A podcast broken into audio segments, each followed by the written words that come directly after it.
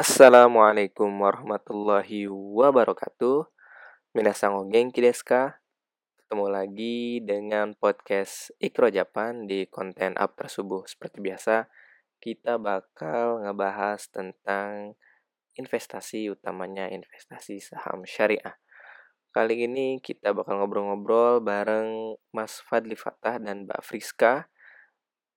Eh, Beliau-beliau ini adalah founder dan co-founder dari akun IG at ngerti saham yang pasti untuk teman-teman pemula ataupun yang udah mulai investasi saham dan punya akun IG semua pasti pada tahu lah tentang mereka berdua ini.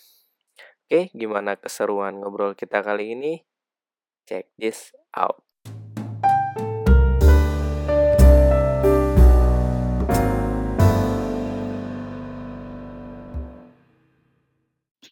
Bicara pasar modal syariah, uh, aku pribadi juga belum lama ya hijrah baru tiga tahunan lah.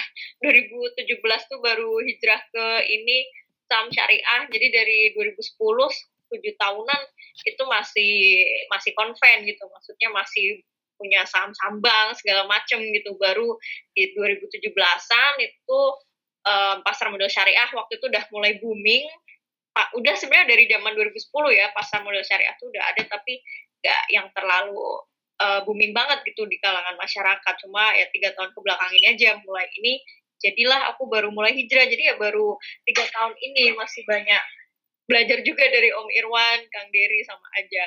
Tapi kalau bicara optimisme sih pasar modal syariah aku masih sangat optimis ya.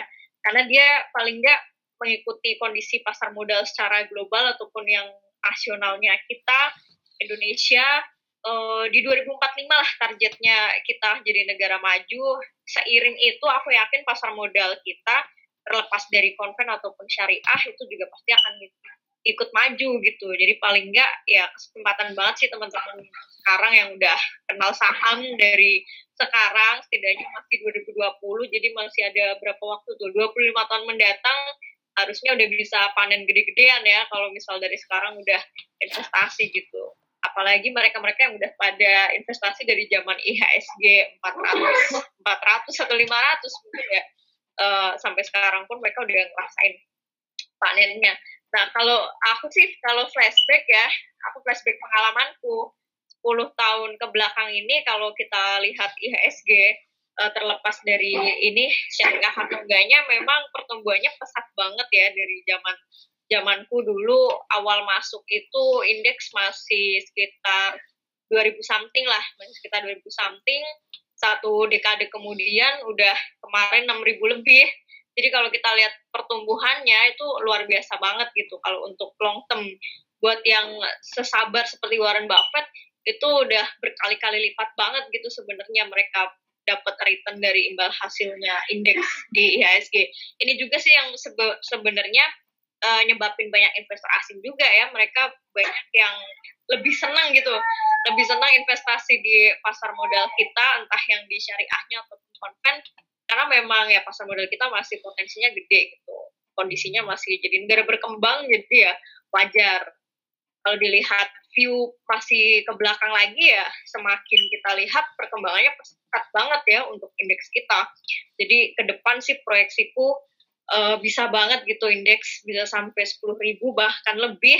Apalagi kalau di 2045 tercapai tuh Indonesia emas harusnya indeks kita udah di atas 10 ribu atau bahkan mungkin di atas 15 ribu ya. Hmm. otomatis banyak emiten lagi. Kalau sekarang kan emiten di kita cuma seribu aja belum ada paling sekitar 700 gitu. Masih kalah jauh lah dibandingkan negara-negara maju. Kayak di Amerika aja udah udah hampir 3000 emiten yang uh, udah go public ya di bursa sana. Nah, pengalamanku sebenarnya soal dunia investasi dari awal dulu aku invest, khususnya di saham, itu emang jadiin saham ini kendaraan ya buat menuju tujuan-tujuan finansialku. Dan sekarang kan udah berkeluarga, jadi ya jadi tujuan finansial bersama gitu. Kalau dulu mungkin ya sekedar yang untuk uh, tujuan finansial yang sifatnya mungkin pribadi kayak gitu ya. Tapi setelah berkeluarga mungkin teman-teman udah ngerasain juga yang udah berkeluarga akhirnya kan semakin banyak tuh tujuan-tujuan finansial. Uh, bareng gitu di masa depan. Nah saham ini aku jadiin uh, alat terbesar pula dibandingkan instrumen investasi lainnya. Uh, prosentase di saham ini aku paling gede gitu karena udah ngerasain sendiri 10 tahun belakang tuh gila returnnya gila-gilaan banyak sekali hal-hal di sekeliling bahkan mungkin seisi rumah tuh bisa dibilang hampir semua diisi dari uh, return atau imbal hasil saham. Jadi wow, uh, sampai detik ini pun aku masih jadi tipe investor yang simple yang ya yang menjadikan saham ini benar-benar kendaraan gitu. Beli A beli ini uh, bisa gitu kita ambil dari return yang kita dapetin dari saham gitu.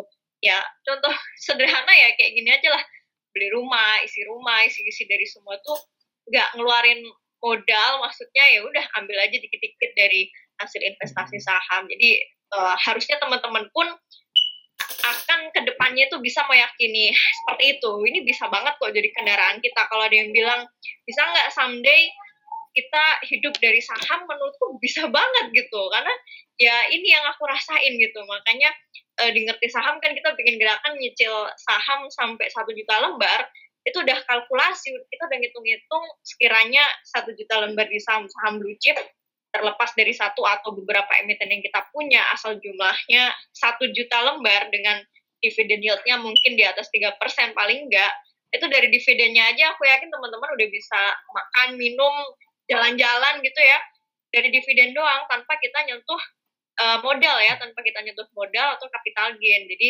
uh, itulah yang dimaksud uh, investasi saham ini bisa banget jadi kendaraan kita menuju ke sana gitu. Jadi jangan hanya apa ya jangan hanya jadi tujuan sesaat atau jangka pendek jangka menengah itu sayang banget sih. Kalau bisa sih umur hidup dan kalau bisa uh, saham itu diwariskan. Itu kan bisa ya kalau di uh, saham diwariskan itu bisa Nah, konsep ini juga yang masih menyemangati saya juga ya berinvestasi di saham ya karena memang udah terbukti banget saham ini bisa mempekerjakan uang yang kita punya. Ini konsep yang dari awal dulu waktu kuliah ada dosen lah, ada yang pernah mengatakan hal seperti itu. Jadi sampai sekarang pun masih meyakini statement ini ternyata bisa di saham ini kita mempekerjakan duit ya lewat perusahaan yang kita investasikan ya sekaligus kita jadi pemegang pemegang saham perusahaan. Ya, pokoknya orang yang udah mulai mulai saham tuh pasti mereka kalau udah ini ya udah cukup lama mungkin kalau setahun dua tahun masih inilah apa ya ibaratnya masih banyak ujian-ujian terus adaptasi psikologis segala macem. Tapi biasanya kalau udah lewat dari angka angka kritisnya kalau aku bilang lima tahun di atas lima tahun bisa bertahan dan uh, dia bisa konsisten itu ke depannya akan lebih enak lagi ya. Secara psikologi udah apa ya udah lebih tenang udah lebih ya slow sih kayak gitu. Maksudnya ya namanya juga investasi. Kita nggak ada yang diburu-buru nggak ada orang yang uh, punya keputusan atas investasi kita. Intinya duit-duit kita kita sendiri yang ngatur gitu. Nanti angka kritisnya lima tahun. Lah coba aja teman-teman di sini testing dua tahun lolos ya bertahan atau survive lah jadi investor tiga tahun survive empat tahun sampai angka lima tahun aja bisa survive aku yakin harusnya bisa survive seumur hidup ya maksudnya seterusnya gitu. Kalau ini sebenarnya uh, buat perbandingan aja ya teman-teman ya. Uh, perbandingan. Teman-teman yang berinvestasi mungkin ada yang deposito obligasi uh, reksadana terus sekarang juga udah mulai pada nyoba saham walaupun memang ada kendala di pembukaan rekening karena tinggal di luar negeri.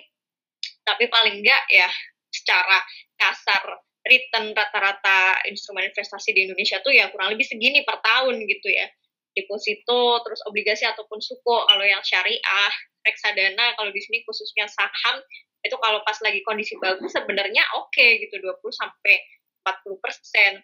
Tapi yang sering kita lupakan kan sebenarnya angka inflasi angka inflasi belum termasuk uh, dikurangi lah dikurangi dari uh, return yang kita dapetin. Jadi selalu masukin angka inflasi itu jadi apa ya pengurang. Pengurang return atau imbal hasil dari investasi kita. Misal di saham kalaupun katakan tahun ini aku dapat return sekitar 20 persen. Inflasi tahun ini BI targetnya kurang lebih ya karena pandemi ya jadi turun 4 persen. Jadi sebenarnya net yang aku dapetin dari return saham tahun ini 16 persen doang. Tapi ya nggak doang sih lumayan banget ya. Jadi ya sebenarnya itulah inflasi itu ada nyata dan itu benar-benar ngurangin nilai uang kita itu yang harus kita tahu Bahkan tahun-tahun sebelumnya tuh 5-6 persen ya rata-rata inflasi ya. 5 sampai 6 itu normalnya. Ya karena ada deflasi jadi sekarang 4 persen. Nah, kalau ini buat teman-teman yang jomblo tapi kayaknya di sini sudah berumah tangga semua ya. Enggak, Mbak, masih banyak yang jomblonya juga, Mbak. Ini, ini kalau ini trennya di Indonesia sih ya, semoga nanti mungkin di Jepang sana banyak anak-anak muda mungkin yang mau marry di Jepang tapi mahalnya pakai saham ya unos nggak masalah nggak apa-apa. Kalau ini bentuk saham teman-teman ya buat yang belum pernah nyentuh fisiknya atau mungkin belum pernah lihat ya ini wujudnya. Aku tuh beberapa kali uh, jadi apa sih namanya apa sih istilahnya uh, yang mewakili ya yang mewakili beberapa kan yang mewakili beberapa teman yang mereka uh, mau nikah maharnya pakai saham tapi karena jauh dari Jakarta jadi aku yang ngambilin gitu. Udah udah kayak ini aja apa sih just tip juga gitu just, tip, saham just tip ngambil.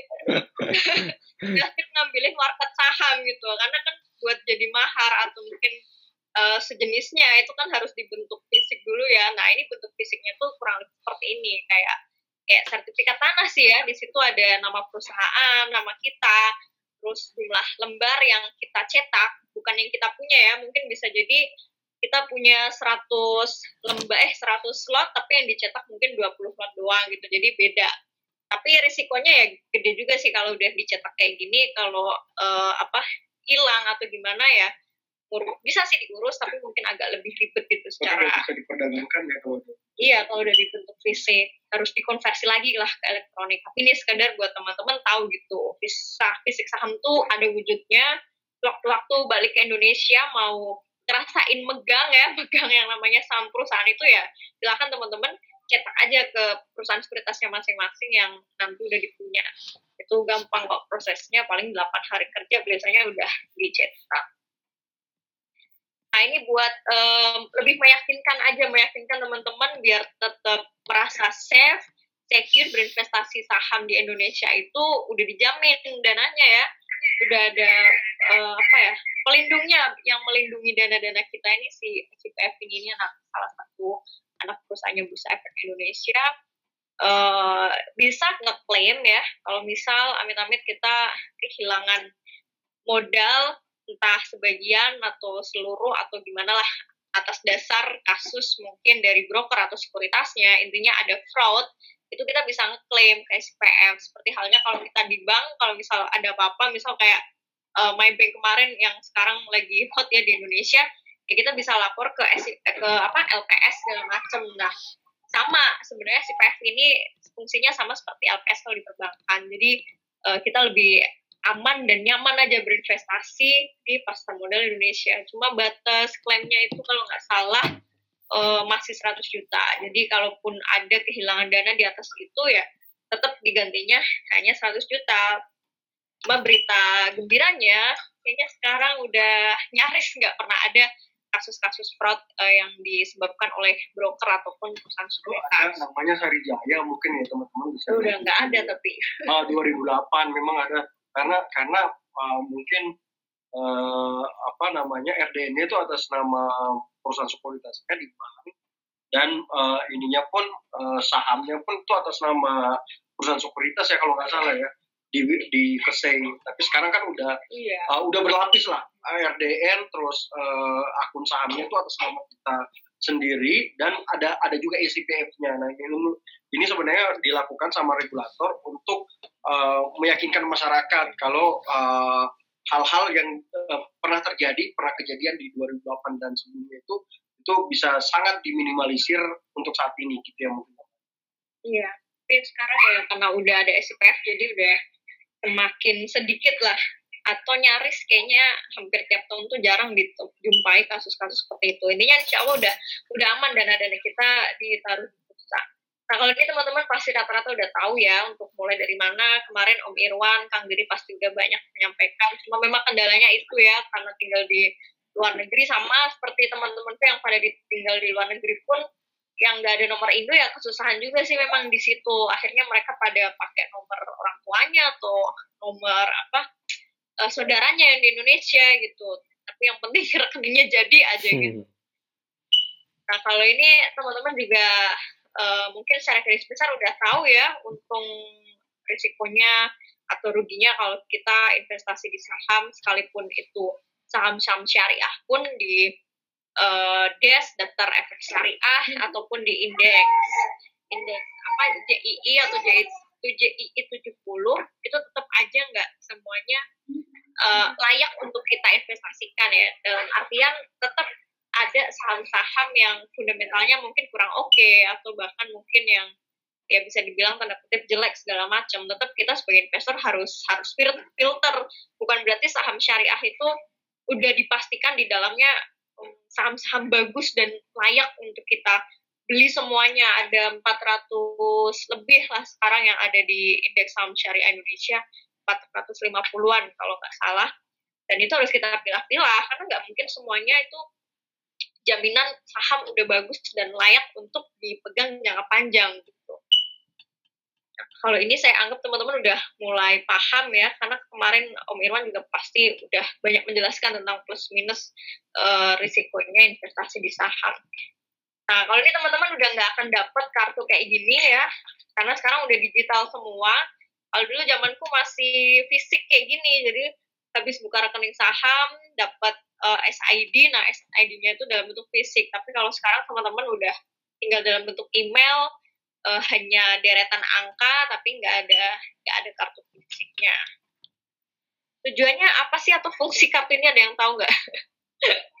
kartu ini tuh sebenarnya uh, ini nggak ada di sektor perbankan ya. Maksudnya sistem seperti ini kayaknya hanya ada di pasar modal. Kalau di perbankan, tiap kita mau ngecek saldo di antara bank BNI, Mandiri, BCA kan kita harus buka aplikasi masing-masing bank. Nggak mungkin uh, dalam satu aplikasi kita bisa lihat saldo kita yang di BCA, Mandiri atau yang lainnya. Tapi kalau di pasar modal, walaupun uh, apa, walaupun kita punya rekening di beberapa sekuritas, hanya mengandalkan login di ini kc.co.id itu dalam satu portal nanti kelihatan semua. Oh di sekuritas A saya punya saham ini sekuritas B saya punya ini. Nah ini ibaratnya terintegrasi jadi satu. Nah ini yang nggak ada di sektor perbankan untuk melihat apa namanya melihat data. Portofolio. ya portofolio hmm. secara keseluruhan Oh, tapi ini untuk untuk fisiknya udah nggak ada sekarang ya? Iya, sekarang udah email. Akses. Hmm. Jadi udah benar-benar i uh, elektronik. Kalau iktp kan namanya doang iktp, tapi fisiknya masih tetap ada ya. Tapi yeah. kalau KSE ini udah benar-benar nggak pakai. Uh, uh, i akses, i akses. Ya, jadi ini seandainya teman-teman nanti punya uh, saham di beberapa sekuritas, terus mungkin males ya login satu-satu aplikasi ya udah login aja di Kasei itu akan muncul semua portofolio saham kita di satu portal itu di kasei.co.id. Nah kalau ini bicara soal RUP sih, cuma teman-teman di Jepang kayaknya harus pulang Indonesia dulu kalau ingin ikut RUPS ya. Kemarin ada yang online. Iya iya, ya, pandemi online. ada yang online ya? Iya iya online. Iya. Uh, ada yang online ya? Mm -mm. Ada Telkom online kemarin terus. Telkom ya, Telkom oh, online. Iya, mungkin efek karena pandemi. Bagusnya ya. iya, berkah pandemi. Mendorong, ya mendorong ini ya, apa digitalisasi. Digital.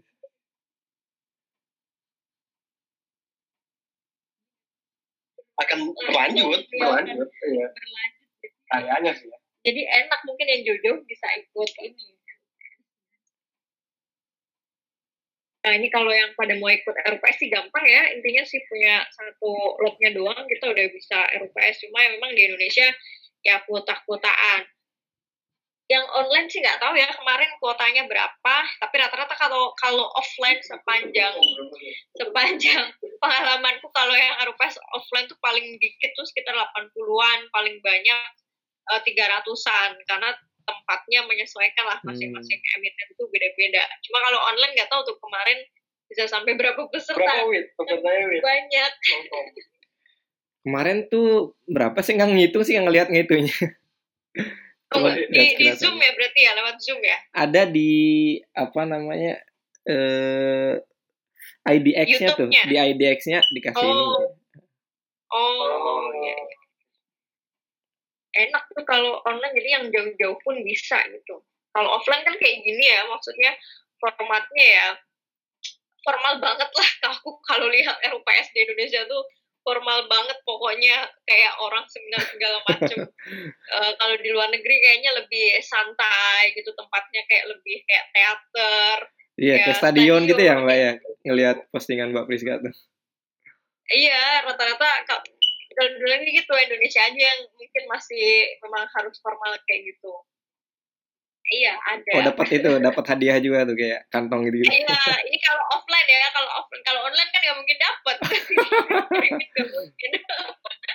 Tapi kalau offline memang seru sih ya. RPS tuh sepanjang pengalamanku ikut itu ya nambah jaringan, nambah teman yang tadinya kita nggak kenal, oh ternyata sesama investor perusahaan ini, jadinya kita nambah teman. Jadi seru aja sih ternyata jadi jadi investor saham tuh sebenarnya feel-nya berasa tuh pas RUPS sih karena di situ tuh kan di belakang kita tuh investor saham semua dan sama-sama berinvestasi di perusahaan itu gitu yang sedang kita ikutin RUPS jadi apa ya ya feelnya iya feelnya tuh pokoknya beda lah gitu. Kita uh, kita aja dapat undangan RUPS tuh kayak gimana gitu mbak. Iya. Dapat undangan. Dapat undangan rumus aja udah seneng udah kayak orang penting. Kalau sekarang udah dicuekin ya, Wid ya. Sekarang udah seringan dicuekin. Nonton beritanya aja. Awal-awal langsung ini, langsung apa, IG story. Banyak tuh yang mention. Iya. Kalau di luar negeri, Wih, wow. udah kayak nonton konser ya. Iya, kayak misal Apple gitu, dia punya stadion, eh bukan stadion sih, kayak ruang teater sendiri gitu. Ya, Jadi formatnya lebih bener-bener kayak gini nih comparisonnya perbandingan antara kita. mungkin di Jepang ini bisa bisa sedikit ini ya uh, kalau misalnya ada pengalaman di Jepang ya tapi di Amerika bener-bener literasinya tuh ya ya Tinggi se banget ya. stadion ini gitu satu perusahaan oh. ya kan ini ya kalau kita dibandingkan uh, masih ada kuotanya 500 juta tapi 300 kalau bisa tuh udah wow itu udah kayak kampanye itu Donald Trump kemarin. oh, Oke. Okay. Oh, dan dan menurut kami tuh uh, ini tuh harus banget diketahui sama masyarakat kan. Uh, maksudnya kita kita belum kayak gini nih, kita masih dibatasin 300, 500 atau RUPS. Uh, belum belum levelnya tuh belum kayak Amerika atau ataupun di Jepang atau di negara-negara maju lainnya kan nggak uh, usah jauh-jauh di di Singapura aja itu udah 16% dari total penduduknya yang yang kan. Nah, ini tuh sebenarnya opportunity besar buat masyarakat yang mau ngerti tentang saham dan mau tahu tentang uh, saham, nggak nggak nggak dari yang negatif-negatif. Ya paling nggak kita bisa menguruskan negatif-negatif itu uh, sebelum sebelum terlambat kan. Uh, kayak kayak mungkin Jepang udah udah decline ya, with ya udah dari sepuluh ribu belum balik-balik lagi tuh si si Nikkei ya sekarang uh, ribu. Iya Nikkei. Uh -uh. Tapi kemarin naik sekitar enam ratusan kalau enam ratus yen, enam puluh ribu berarti ya. Tujuh puluh ribu lah naik. Oh oke. Okay. Oke. Okay. Uh, uh, eh, decline karena memang mungkin ekonominya lagi memang udah udah ini ya udah puncak ya. Tapi kalau di Indonesia dari segala sisi itu masih ada kesempatan ke sana, tinggal mungkin diperbaiki ya ininya uh, apa namanya Uh, manajemen manajemen negaranya iya. uh, dalam hal ini pemerintah, pemerintah ya. ataupun ya. uh, yang lain-lainnya tinggal jalan regulasi ya. Allah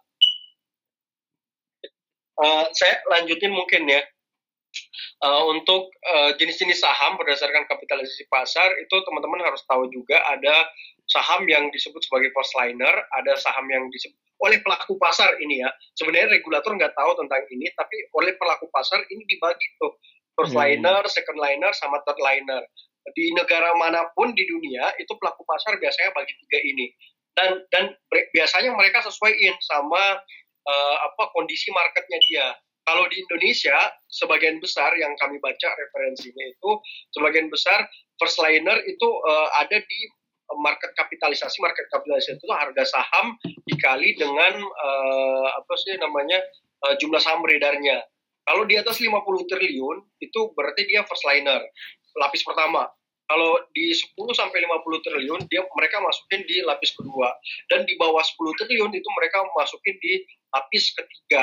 Nah, biasanya lapis pertama ini itu yang mimpin di industrinya. Taruhlah misalnya di industri perbankan. Siapa sih uh, kalau ditanya misalnya siapa sih yang mimpin perbankan di Indonesia? Pasti udah udah pada kenal semua ya. Uh, ada mungkin ah siapa Wid? Wid aja yang jawab nih. BCA, ada bank aja yang Bank Mandiri. Wah, Mandiri. Terus Eh, eh sebutin konven semua ini nanti. enggak, enggak apa-apa, enggak apa-apa. Oh, karena memang uh, kalau untuk syariahnya kita dalam uh, di di perbankan pun masih masih sangat masih iya, sangat kecil, ya kecil, ininya apalagi di pasar modal ya uh, iya, untuk, ada, untuk perbankannya.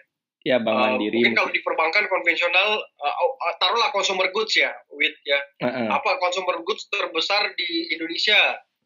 Atau mungkin mungkin Indofood, Unilever, Unilever. Indofood, Indofood ah Indofood apa segala macam. Dan orang-orang kenal rata-rata orang kenal tentang perusahaannya itu. Dan uh, fundamentalnya atau kinerja perusahaannya itu relatif lebih bagus daripada uh, perusahaan-perusahaan lainnya yang ada di satu industri. Dan mereka menguasai pangsa pasar di, di industri itu. Istilahnya prospeknya bagus lah ke depannya ya 10, 15 tahun dari sekarang itu masih ada, masih berkembang, kinerjanya masih bagus. Nah kemudian yang second liner, second liner itu kayak kayak di industri itu kayak uh, bagus fundamentalnya, tapi pangsa pasarnya itu belum segede uh, si first liner. Jadi misalnya kalau di consumer goods, taruhlah apa gitu kan ya yang second linernya Mayora, di, Mayora. Gitu ya. Tadi first liner ada Indofood, Unilever yang gede-gede uh, kalau yang uh, second liner yang bagus-bagus fundamentalnya tapi mungkin belum terlalu terkenal di masyarakat. Cuman kalau kita kulit lebih jauh, kita tahu lah, uh, oh ini, oh iya ya, ini kayak Cleo, oh gue pernah lihat nih di hotel ini nih, uh, atau atau Sido muncul misalnya ya, misalnya, um, uh, tapi ini bukan bukan bukan saran untuk jual beli ya, hmm. uh, kasih contoh aja, misalnya misalnya Sido muncul, oh iya gue tahu nih, uh, Cleo, gue gue tahu ini ya, pokoknya sering sering lihat di hotel. Cuma secara secara pangsa pasar itu Aqua masih lebih menguasai daripada mereka. Misalnya kayak gitu ya ininya.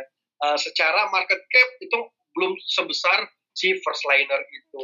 Dan uh, apa namanya potensi ke depannya untuk jadi uh, first liner itu besar, tapi potensi untuk tidak jadi first linernya juga besar. Artinya hmm. lebih lebih gede ininya lah ya uh, apa uh, resikonya, tapi returnnya juga bisa jauh lebih besar daripada yang si first liner. Kalau first liner lebih lebih stabil lah ya karena hukumnya orang bisa baca lah oh ini ini biasanya di empat ribu nih. Kalau turun di tiga ribu tujuh ratus biasanya pada nyerok gitu kan ya, terus uh, naik lagi ke empat ribu eh, dijual lagi. Misalnya kalau mau trading trading kayak gitu. Cuma kalau udah, udah second liner itu spendnya itu udah lebih udah lebih gede gitu.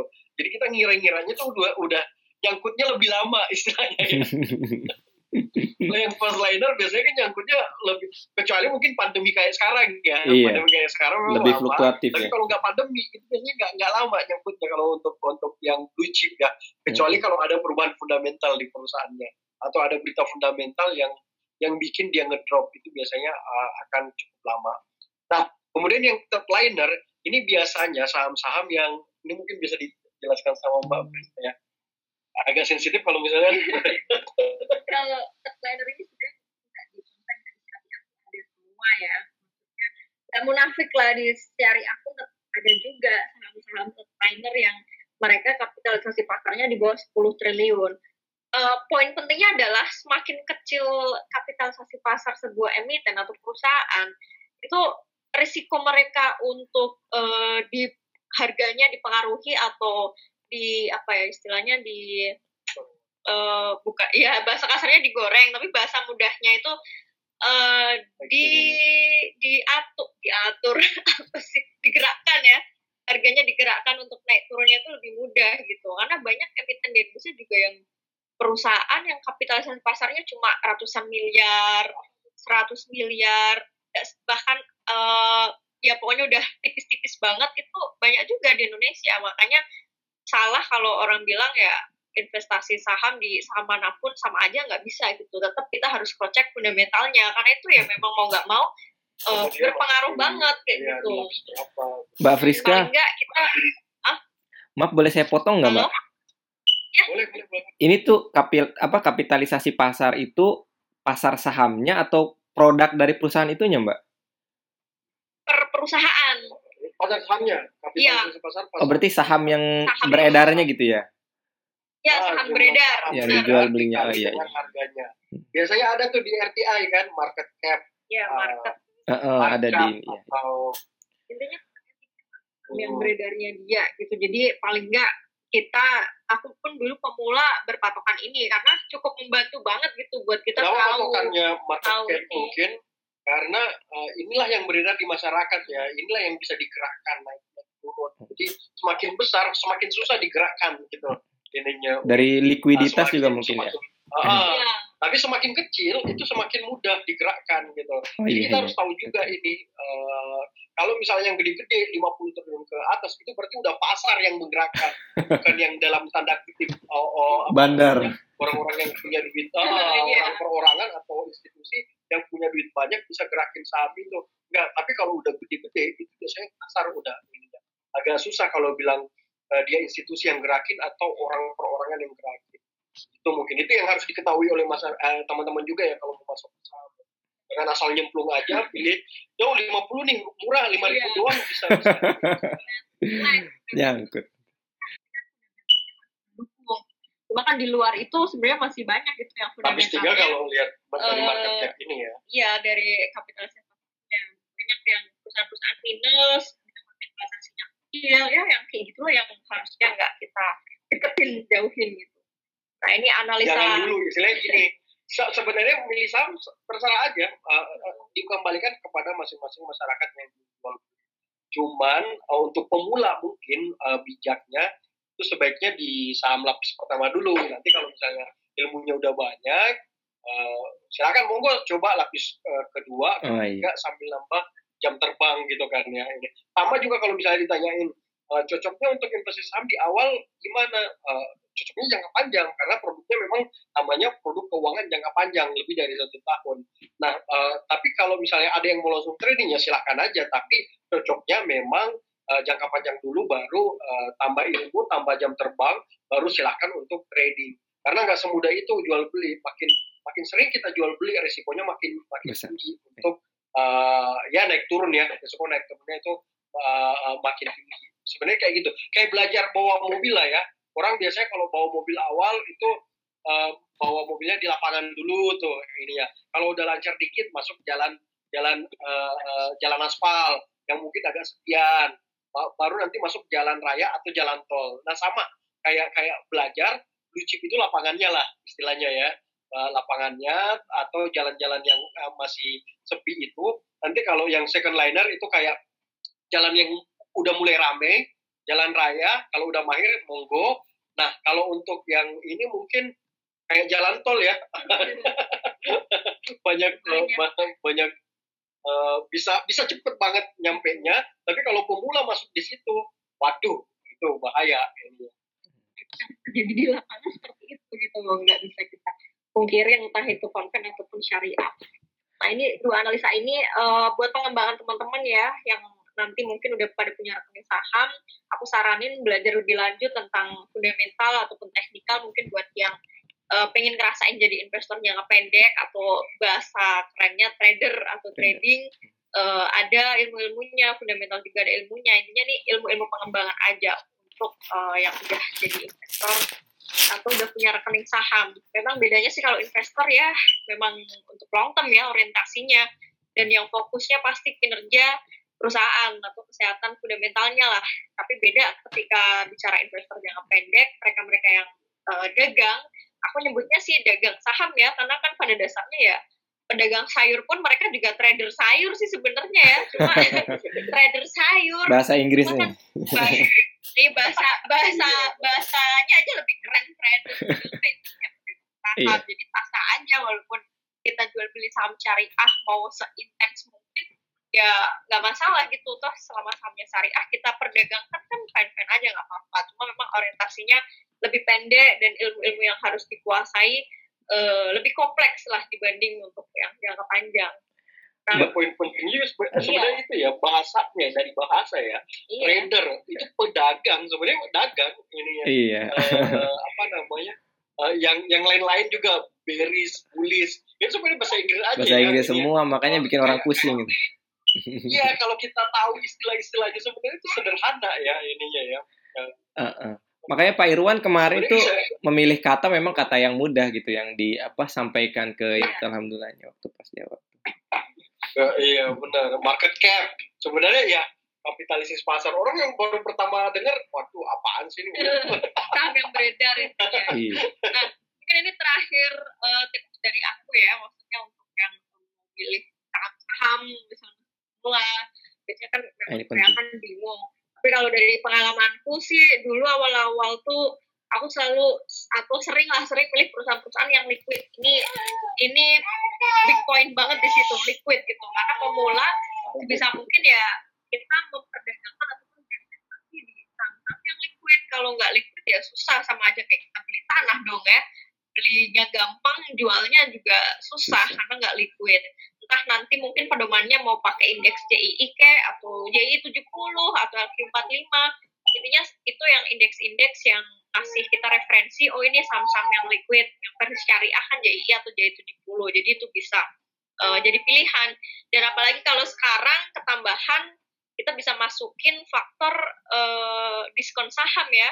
Kalau iya. itu gampang sih tinggal lihat aja dari year to date-nya saham emiten tertentu yang masih minus tinggal beli aja tinggal tidur tinggal aktivitas biarin sampai ekonomi recovery ESG bangkit lagi 6000 insya Allah juga kita pasti cuan gitu. Kalau sekarang tuh gampang sih aku nyebutnya investor angkatan corona ya itu lebih beruntung gitu dibandingkan dibandingkan kita kita yang udah lama investor angkatan corona kali ini tuh mereka udah dikasih kemudahan dengan banyaknya saham bagus, betul, liquid dan diskon, nggak perlu analisa yang ribet, tinggal mencet year to date terus masih minus mungkin belasan persen, udah tinggal, tinggal beli, masuk.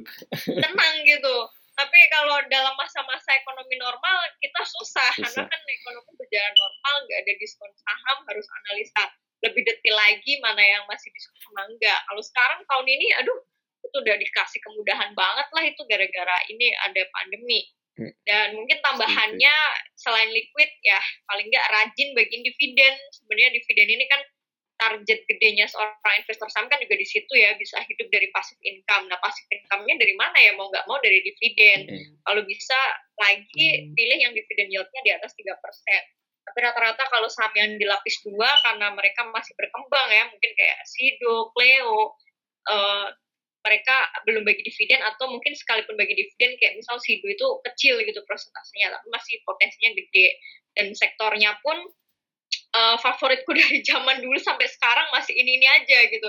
Kalau ini lebih ke view pribadi ya maksudnya kayak consumer good banking telekomunikasi atau mungkin yang berbau-bau teknologi itu sektor-sektor yang aku rasa lebih stabil. Jadi kalaupun kita mau berinvestasi di situ nggak yang terlalu deg-degan, beda ketika kita berinvestasi di sektor hmm. mungkin pertambangan atau mungkin uh, yang dipengaruhi oleh harga ini ya CPO segala macam itu lebih deg-degan karena dipengaruhi banget sama harga-harga global ya tambang CPO segala macamnya. Tapi kalau di sektor-sektor yang sifatnya defensif kayak gini uh, cenderung lebih stabil dan kalaupun pasca krisis kayak gini rata-rata mereka yang recovery-nya paling lebih dulu gitu dibandingkan sektor-sektor lain. Ya kebuktilah beberapa belakangan ini yang naik gila-gilaan ya banking, consumer juga uh, mulai naik. Memang udah terbukti dari tahun ke tahun pas masa-masa krisis ya sektor-sektor inilah yang mereka bangkit lebih dulu.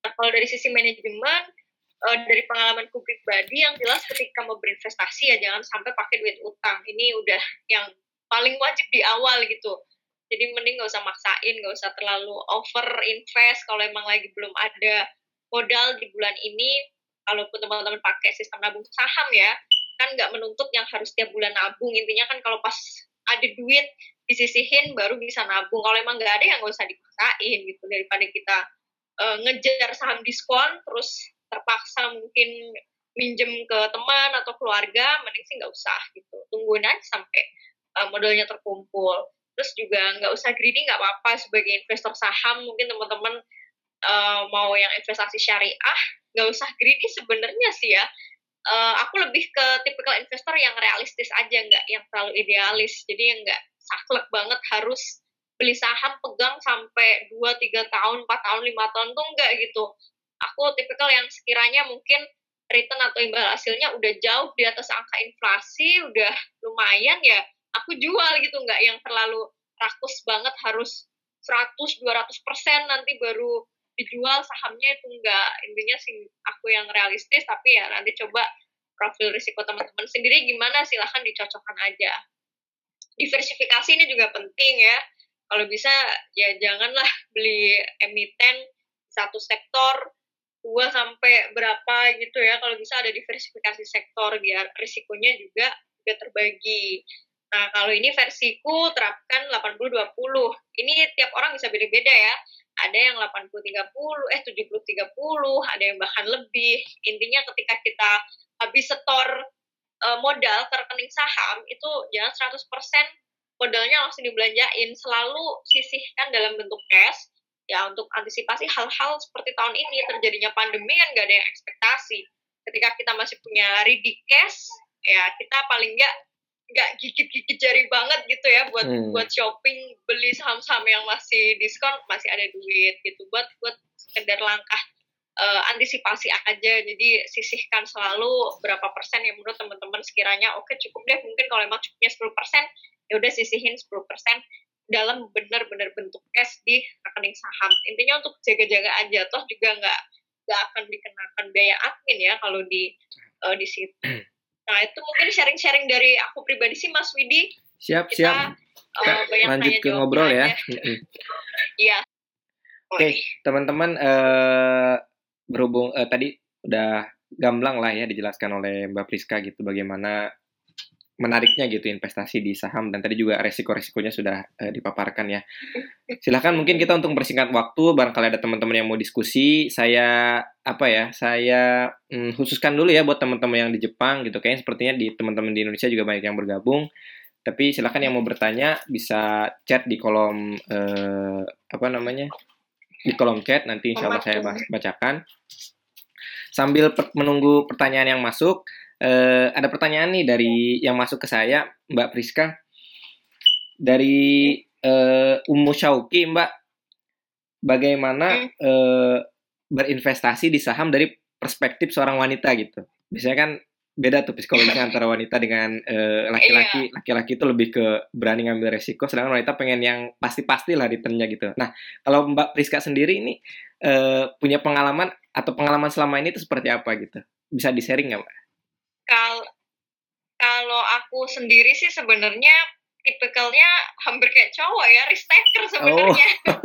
Maksudnya uh, sama risiko tuh aku nggak takut gitu. Jadi kalaupun kalau bicara hilang duit dari saham ya banyak lah pasti 10 tahun belakang ini. Tapi dapat duit dari saham juga alhamdulillah jauh lebih, lebih banyak. banyak. Jadi kalau cewek tuh kayaknya lebih bisa manage gitu. Uh. Uh, impas gak nih gitu titik baliknya? Udah lo sekian tapi untuknya lebih banyak ya tetap disyukurin. Itu kalau perspektif cewek tuh kayaknya lebih lebih nyantai kayak gitu. Jadi nggak yang terlalu kalau cowok kan biasanya agresif ya. Maksudnya uh, oh ini harusnya ritmenya sekian sekian sekian. Kalau cewek kalau dari aku pribadi tuh kayak lebih nyantai.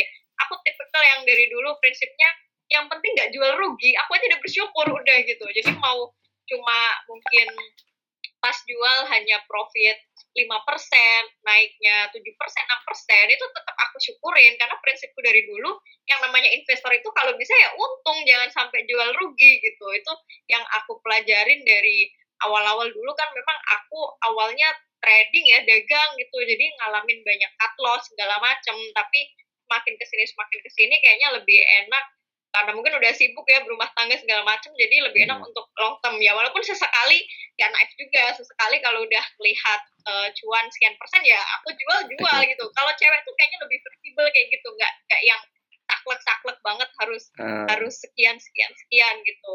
Tapi prinsipku sampai detik ini akhirnya menyimpulkan ya yang namanya investasi memang kita bisa mempelajari kita bisa melakukan manajemen risiko tapi intinya rezeki nggak ke mana gitu. Kalaupun kita dapat return sekian persen nggak apa-apa gitu. Yang penting nggak rugi gitu. Intinya nggak yang penting nggak sampai jual rugi. Karena namanya juga investasi sebisa mungkin untung. Kecuali kita dagang ya. Kalau dagang rugi untung kan wajar. Tapi kalau kita udah mendedikasikan ini untuk investasi ya sebisa mungkin untung gitu. Oh, tapi kalau masih rugi berarti kita masih dagang masih masih trading gitu ibaratnya kalau harusnya kalau udah investasi untuk jangka panjang itu kebanyakan cenderung untungnya nggak mungkin eh, jarang lah yang rugi seperti itu. Jadi kalau dari perspektif aku sendiri sebagai wanita eh, lebih nyantai nggak yang terlalu saklek. Ya follow the flow aja follow the trend ya kalau ibaratnya di investasi saham. Jadi lebih eh, nggak yang dan nggak yang terlalu mantengin gitu. Karena cewek kan biasanya suka insecure segala macem sampai mungkin mantengin pasar tiap hari kayak gitu deg-degan ya. Oh berarti itu lebih lebih cewek ya yang kayak gitu tuh ya? ya kalau cewek tuh kan kayak gitu punya di awal-awal tapi seiring ini ya kesibukan seorang wanita apalagi di rumah udah bakal cuek sendiri sih dengan kondisi pasar gitu ya udah sih biarin aja eh, arahnya mau ke mana selama kita berpegang sama fundamental sih Hmm. eh, lebih tenang gitu kalau ini ya dari sisi cewek Hmm. itu kalau cowok gimana Oke berarti Kalau Widi gimana Widi? eh, ya kalau saya pribadi sebenarnya ya saya garis bawahi dulu tadi yang disampaikan Mbak Prisa berarti intinya mah ya jam terbang sama ya literasi lah. Kalau udah itunya udah ada pasti lebih tenang ya ke sananya gitu ya. Mau cewek mau cowok. Ya kalau saya pribadi Betul, jujur aja saya mulai 2019 kan itu banyak insight-nya dari ngerti saham dan alhamdulillahnya ya mulai 2019 jadi ketemu Koron 2020 tuh nggak terlalu deg-degan gitu apalagi teman-teman di IG-nya ngerti saham tuh ya wah diskon diskon nih Nah itu yang bikin lebih tenang gitu.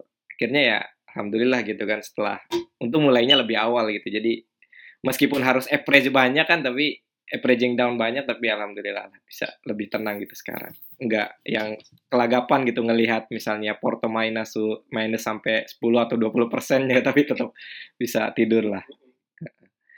Oke kita lanjut. malah Ah, ah, itu ya malah kalau average down malah ini ya udah mulai senyum sekarang ya ah, naiknya udah lumayan tinggi ya ya. Tapi kadang suka gimana ya kan kita sharing juga di sini. Nah, yang baru-baru mulai ini kan dapat di harga murah nih. Mereka udah pada cuan nih, udah pada sumringah nih rata-rata nih, teman-teman. Tapi ya nggak apa-apa lah. Yang penting eh, karena jangkanya jangka panjang juga kan. Pengennya sih ya ya jangan panjang pulang dari Jepang udah tinggal menikmati passive income lah. Kalau eh, ini saya. amin amin Amin, doakan satu juta ini ya lembar ya. Baik, lanjut lagi ada pertanyaan beberapa pertanyaan yang masuk.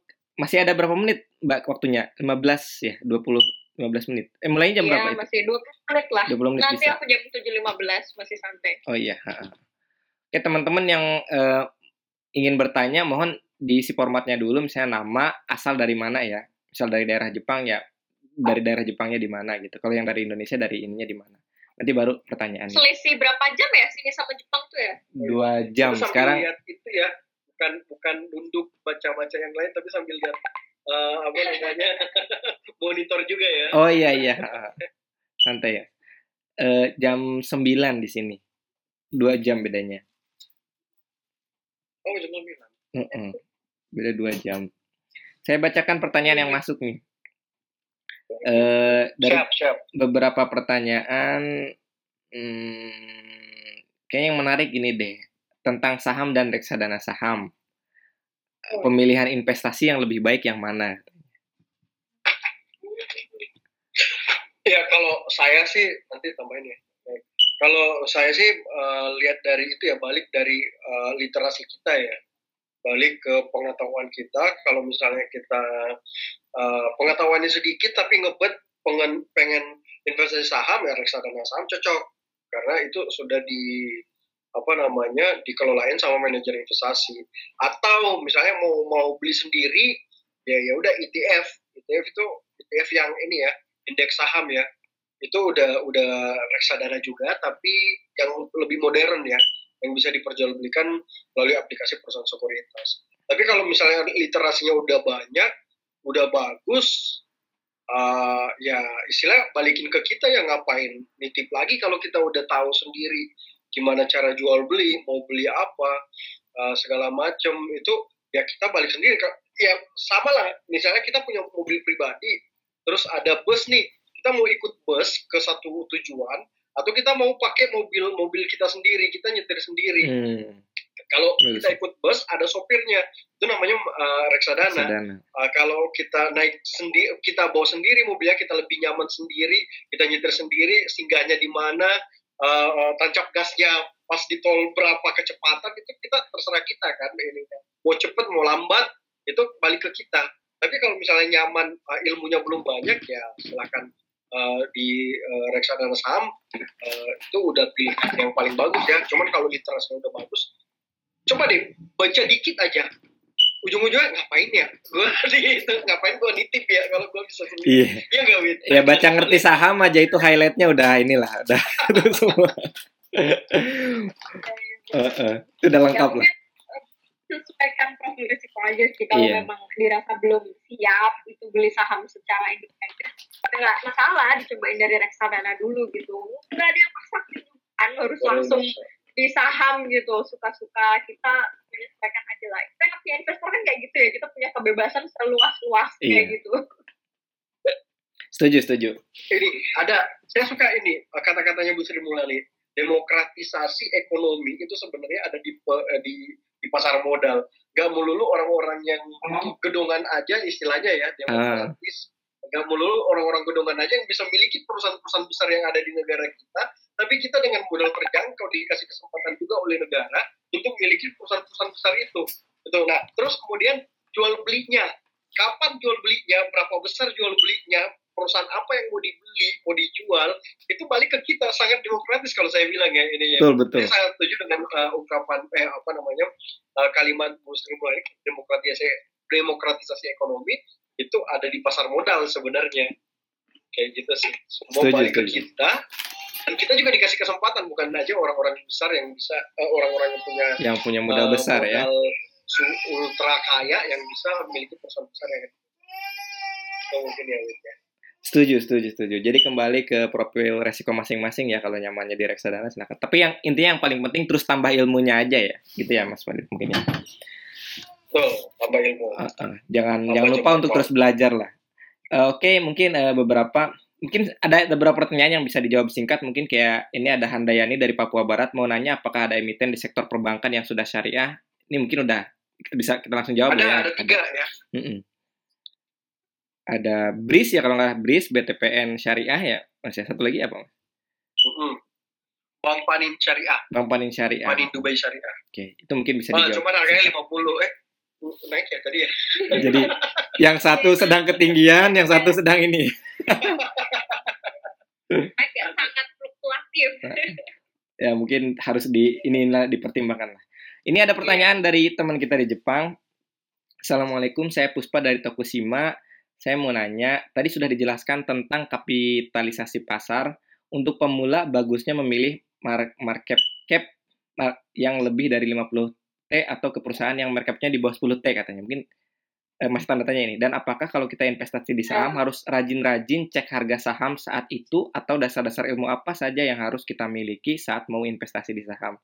Wassalamualaikum warahmatullahi wabarakatuh kalau ditanya sebaiknya ya sebaiknya sih yang lapis satu atau lapis dua ya intinya di atas 10 triliun gitu paling enggak itu sebagai faktor saham itu liquid atau enggak gitu jadi untuk kita kan investor hanya bisanya meminimalisir risiko. Nah itu yang kita pakai untuk meminimalisir risiko yaitu dengan memilih saham-saham yang liquid.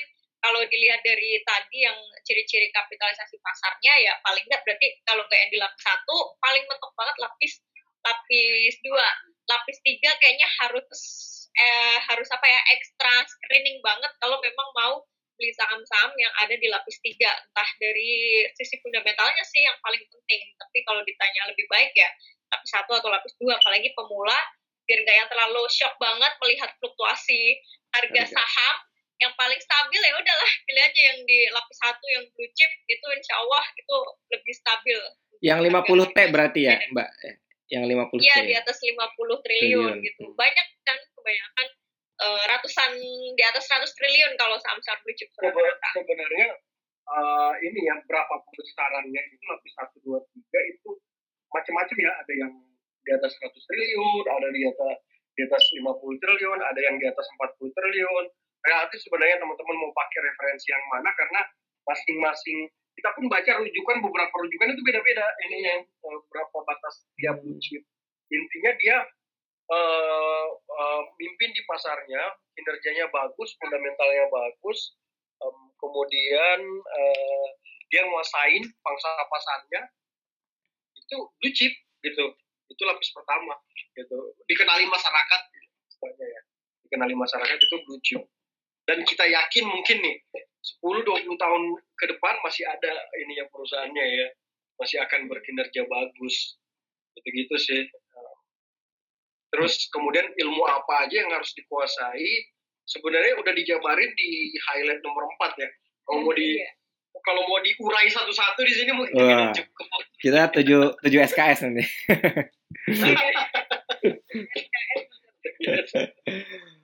Oke, tadi mungkin uh, uh. jadi mungkin udah baru nanti hmm. pengembangan ilmunya ada di semua basicnya itu ada di story highlight hmm. dari nomor 1 sampai 13 dan pengembangannya bisa di googling googling sendiri hmm. ya ininya ya okay. banyak referensi oke okay, tadi mungkin untuk teman eh, kita di Tokusima Usparani. Jadi yang pertama harus dilakukan kayaknya harus follow dulu IG-nya ngerti saham, at ngerti saham. Gak usah follow sebenarnya pun bisa ya baca highlightnya aja. Baca highlightnya. Terus oh, pengembangannya tinggal di Google. Iya itu aja pokoknya yang dasar-dasar tuh kayaknya udah ini deh. Tapi hati-hati karena ketika share itu banyak akun palsu juga. Iya benar banyak akun palsu. Oke. Okay. Gak ngerti ininya apa ya. Oke, kita uh, lanjut ya saya buka-buka lagi pertanyaan. Kayaknya ini menarik nih. Eh,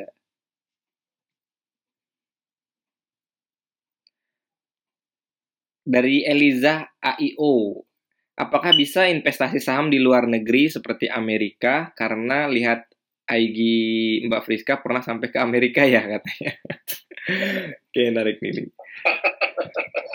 bisa bisa aja sih, tapi lebih apa ya lebih ribet biaya biaya yang dikeluarkan jauh lebih mahal dibandingkan market Indonesia dan harus ke sekuritas sananya langsung. Maksudnya nggak nggak ada sekuritas di Indonesia hmm. yang bisa akses ke market sana. Jadi effortnya ya berkali hmm, beberapa kali lipat dibandingkan kita hanya invest di pasar domestik. Itu mungkin aku saranin buat yang ketika nanti teman-teman udah punya ya di atas lima tahun lah. Aku bilang lima tahun itu masa-masa uh, belajar. keramat gitu ya uh. investor.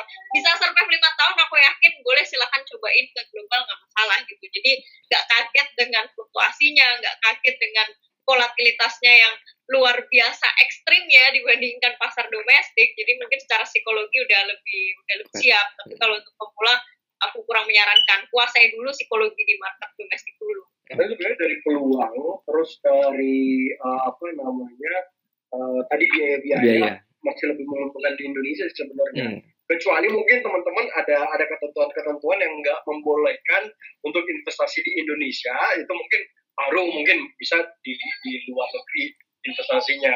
Tapi kalau selama ketentuannya nggak nggak nggak ada larangan, kita uh, apa namanya investasi di Indonesia, di Indonesia jauh lebih menguntungkan loh. Uh, apa namanya? Belum lagi kesempatan kita karena kata Bank Dunia 2030 Indonesia jadi nomor besar terlima nomor lima dunia. Amin. Ya IMF 2020 kita uh, terbesar keberapa?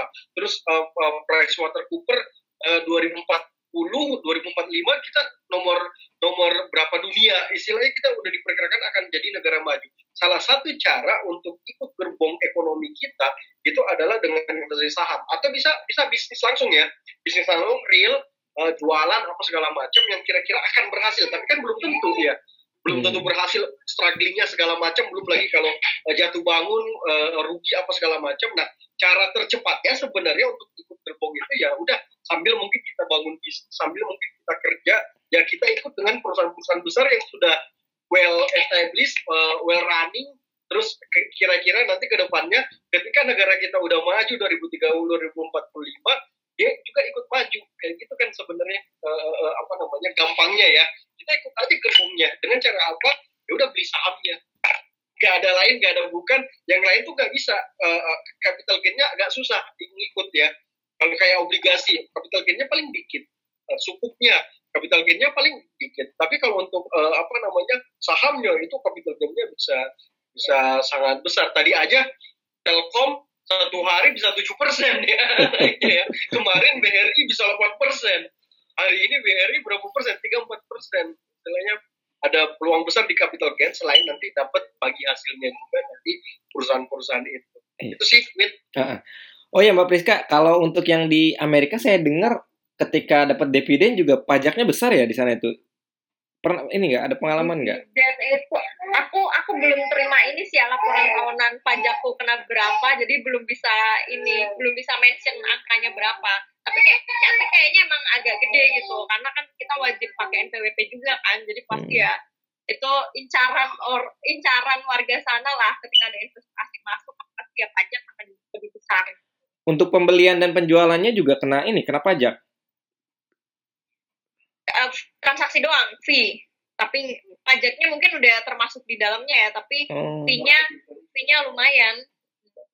Iya market infonya juga di sana lumayan mahal juga. Enggak, saya, saya, saya, saya pernah dengar tuh kalau nggak salah sampai 20 sampai 30 persen katanya sih dengerin. Makanya Indonesia tuh surganya investor tuh masih yeah, murah banget investor. Makanya banyak orang Amerika kan maksudnya yang uh, investor-investor Amerika mereka lebih demen di Indonesia kan karena tingkat returnnya emang gede dan biayanya murah itu yang penting gitu loh dibandingkan negara-negara ASEAN lainnya Indonesia yang paling masih masih seksi lah ya bisa dibilang di dunia lain. Soalnya memang masih sedikit juga ya investornya ya. Iya benar. Kesempatan maksudnya mereka ambil itu kesempatan. Sama lah ini mungkin kesempatan buat kita teman-teman yang ada di Jepang baik di Indonesia yang belum silakan mungkin bisa belajar lebih banyak lagi. Apalagi yang di Jepang ya, karena saya yakin nggak selamanya di Jepang, suatu saat pasti akan ke Indonesia. Jangan sampai pulang ke Indonesia tuh ada istilahnya Jamila kalau di sini. Jadi jatuh jatuh miskin lagi nanti kalau di Indonesia. uh, makanya sebisa mungkin ya apa namanya pendapatan kita tuh jangan semua dihabiskan di sinilah kita coba investasikan apalagi tadi hmm. sudah disampaikan oleh Mas Fad Mas Fad, apa Mas Fadli sama Mbak Priska itu kan saat ini memang Indonesia ini lagi seksi-seksinya gitu karena sudah diproyeksikan menjadi negara maju di eh, 10 atau 20 tahun ke depan gitu. Oke, sebenarnya banyak nih pertanyaan yang masuk. Eh, waktunya tinggal 6 menit lagi ya. Eh, coba saya saya cek ke YouTube ya. Di YouTube juga kayaknya udah banyak ada oh, berapa ya. yang ini?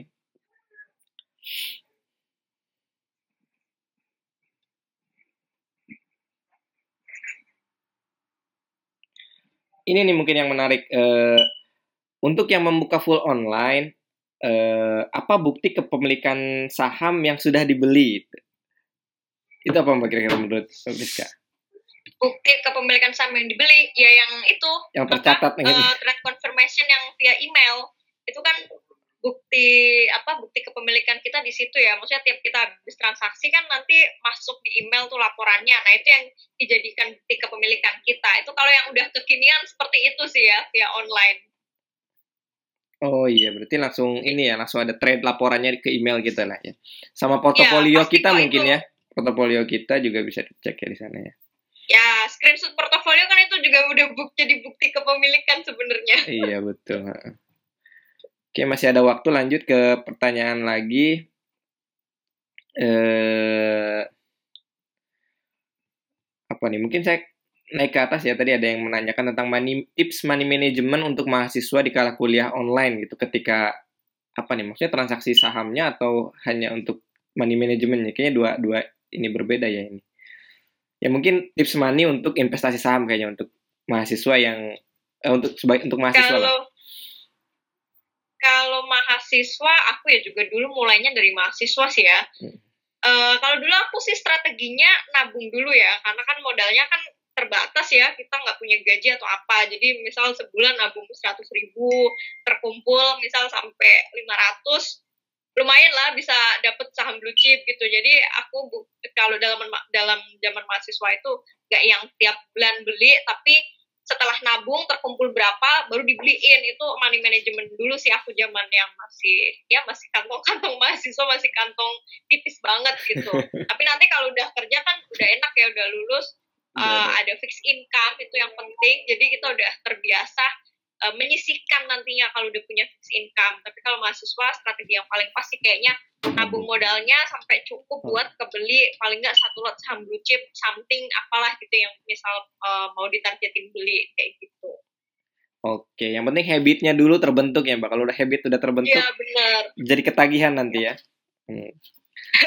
Iya, lama-lama ketagihan beli-beli-beli terus.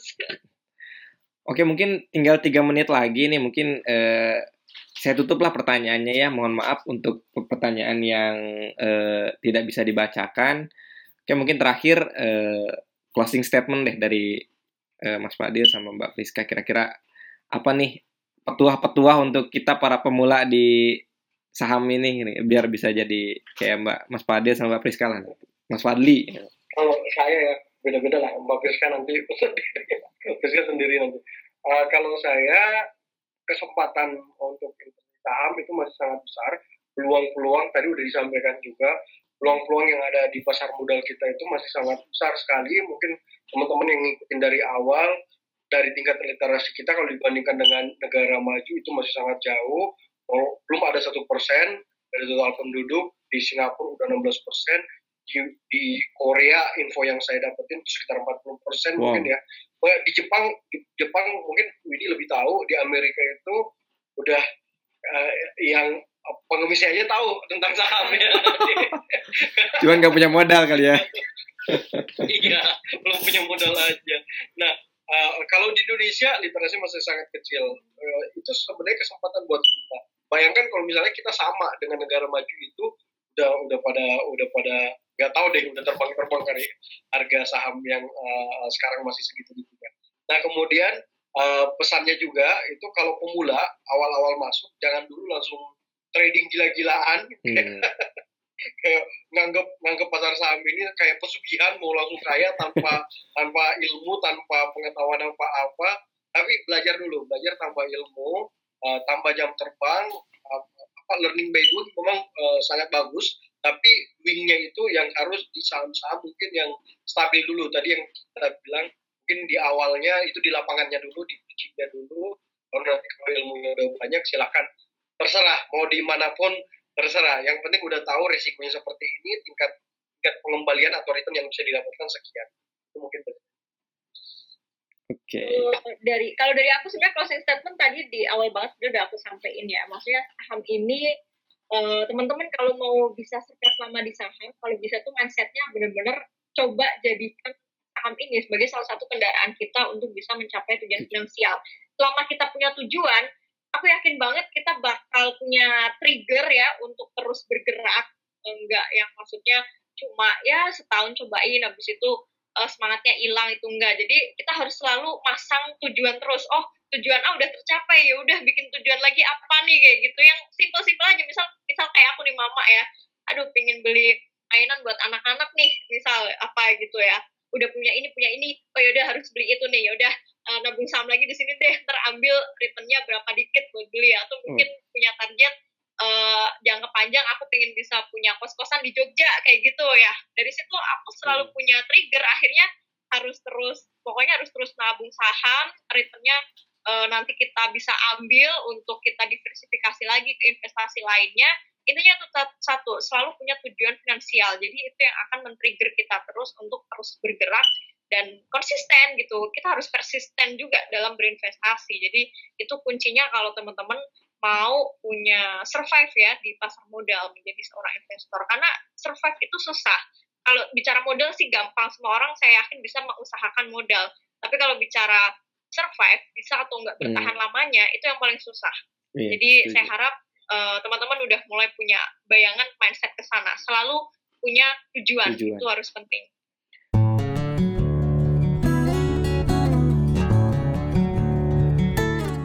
Oke, okay, Winasang, itulah tadi podcast dari Ikro Japan.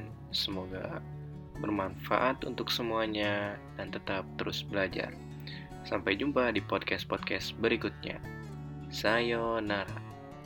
Assalamualaikum warahmatullahi wabarakatuh. Bye.